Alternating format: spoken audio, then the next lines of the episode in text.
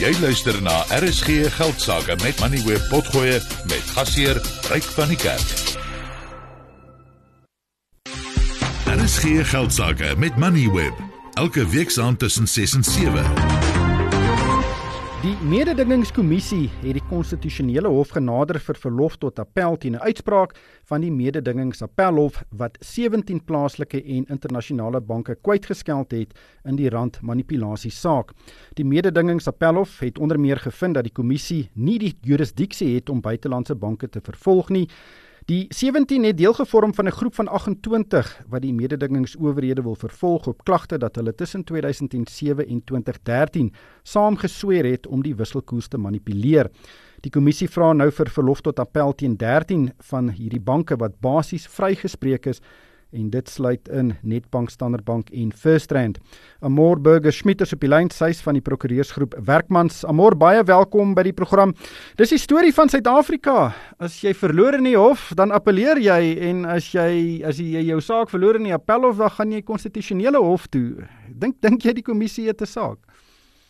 Nancy Ryk. Ja, inderdaad, daar's baie prosesse en ek dink weet in oor die algemeen kan dit mense gefrustreerd laat want hulle voel of sake nooit afgehandel word nie maar ek bedoel dit is die uh, robuuste regstelsel wat ons het. En as ons kyk na die mededingingsraad ek dink nie hierdie is 'n verrassing vir enige een in ehm um, wat betrokke is by die aangeleentheid en spesifiek op mededingingsreg fokus nie. Almal het maar verwag dat die mededingingsraad sal voortgaan en appel aanteken. En as jy my vra, dink ek hulle het 'n saak, moet ek dit soos volg antwoord dat ek wil ons weet daar is nou verskeie vletjieblassers ehm uh, wat aan die mededingingsraad inligting gee en uh, hulle moet um, in hulle klagstaat 'n saak uitmaak ten einde dit voort te vat. So ek bedoel is dit dan nou maar die spreekwoordelike waar daar rookie trek is daar vuurtjie, maar daar is definitief iets aan die gang wat on, wat hulle ondersoek reik en ek dit is die aangeleentheid wat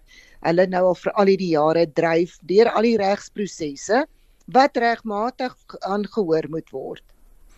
Ja, absoluut. Eh, wat is hulle grondwetlike of die grondwetlike saak wat hulle nou voor die konstitusionele hof plaas van die die hof baie mense sien die konstitusionele hof miskien as 'n appelhof van die appelhof wat dit natuurlik glad nie is nie. Ja, ek die konstitusionele hof is is ons hoogste hof en die laaste instansie wat jy op enige aangeleentheid kan nader. Maar ja, dit is dit is inderdaad so dat daar sekere beginsels is wat so aansoek dryf en as ons nou kyk na hierdie saak wat wat die mededingingsraad voorhou. As ons net van 'n publieke belang um, perspektief daarna kyk, is daar 'n geweldige groot publieke belang wat um, na oorweeg moet word om te kyk maar tot watter mate is die bevolking in in in, in Suid-Afrika en dan die finansiële stelsel en die ekonomie van die land um benadeel en dis deels van hoekom die mededingingsraad so passievol hierdie saak voordryf En ons het ook internasionaal gesien, ryk, ons moet onsself daaraan herinner, hierdie is nie net 'n Suid-Afrikaanse aangeleentheid nie. Ons het al in verskeie ander jurisdiksies gesien dat ehm um, daar ehm um, mense ehm um, vervolg is vir ehm um, ehm um, die vaststelling van wisselkoerse en hoe hierdie goed uitgespeel het en ehm um, in in die mark. So ons is nie ons staan nie op ons eie Suid-Afrika of die mededingings ehm um, raad staan nie op 'n ag mededingingskommissie staan nie op hulle eie nie. Dit hulle volg baie wat al internasionaal gebeur het. Ehm um, was daar al 'n mededingingssaak wat in die konstitusionele hof geëindig het? Ja, inderdaad. Ek bedoel dit is is nie die eerste saak nie. Ehm um, hierdie is wel is ware baie belangrike saak. As ons ehm um, kyk na en ek bedoel ons konstitusionele hof het al ehm um, uh, uh, baie ingewikkelde uitsprake gelewer met betrekking tot mededingingsreg.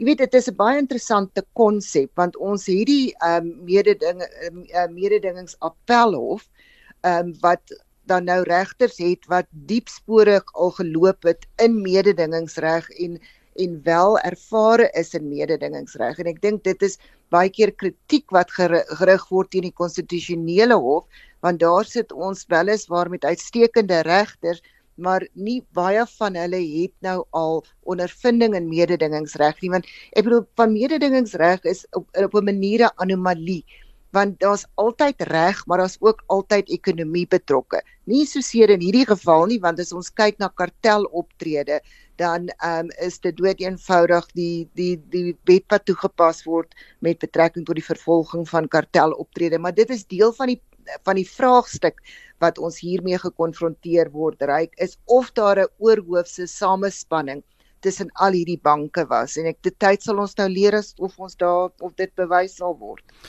Nou die mededingingskommissie het nogal deurgeloop in die mededingingsappel of uitspraak. Ehm um, en Uh, en baie mense het gesê dit het baie sleg gereflekteer op die kommissie. Um, hoe hoe dink jy hanteer die kommissie hierdie saak sedert hy nou daarmee begin het hier rondom 2016 2017?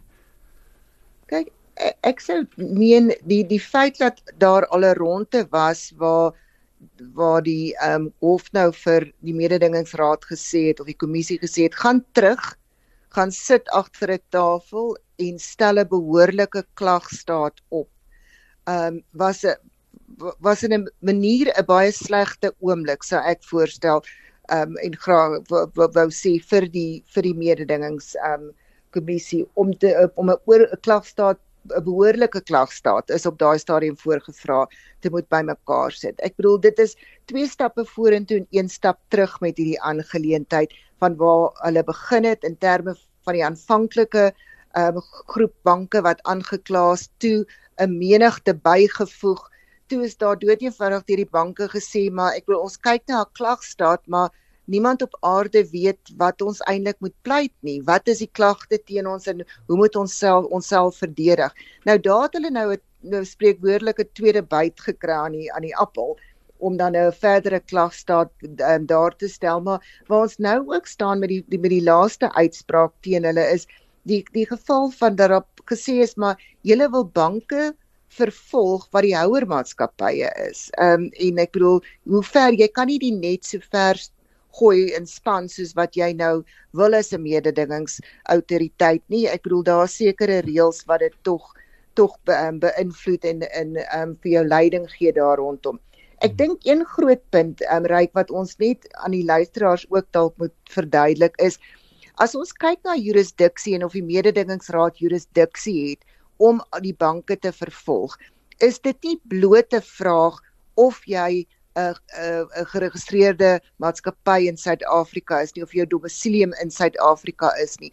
Daar's ook 'n effek toets wat toegepas word deur um, die mededingings um, kommissie en dit is spesifiek vir voorsiening gemaak in die wet om te kyk is is, is daar sekere optrede wat 'n effek het in Suid-Afrika en derhalwe is dit waarna die mededingingskommissie kyk om nou soveel banke en dan nou buitelandse banke um, te vervolg in hierdie aangeleentheid. Amor baie dankie vir jou tyd. Dit was Amor Burger Smit van Werkmans. Chantel, wat is jou siening hieroor?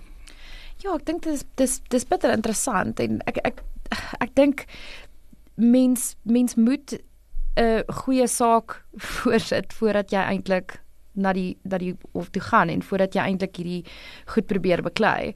Ehm um, of 'n punt probeer bewys of 'n uh, ehm um, 'n uitkoms op dit kry. So ja, ek dink dit gaan maar lank ek dink dit gaan 'n lang storie word. Ek dink dit is klaar 'n lang storie. Ja, die oortredings is tussen 2007 en 2013. Ja. Dit is meer as 10 jaar gelede. Ehm um, ja, en hierdie saak gaan seker nog steeds 'n hele paar jaar wees. Ek kan ja. nou net dink as 18 28 banke se of ek seker nou nie meer 28 nie, maar omtrent 24 banke se regslei in een kamer sit, gaan dit nog wel 'n 'n beknopte affære wees. Jy het geluister na RSG Geldsaake met Money where potgoe elke weeksdag om 7 na middag. Vir meer Money where potgoe, besoek moneyweb.co.za of laai die toepassing af en volg Moneyweb News om dagliks op hoogte te bly.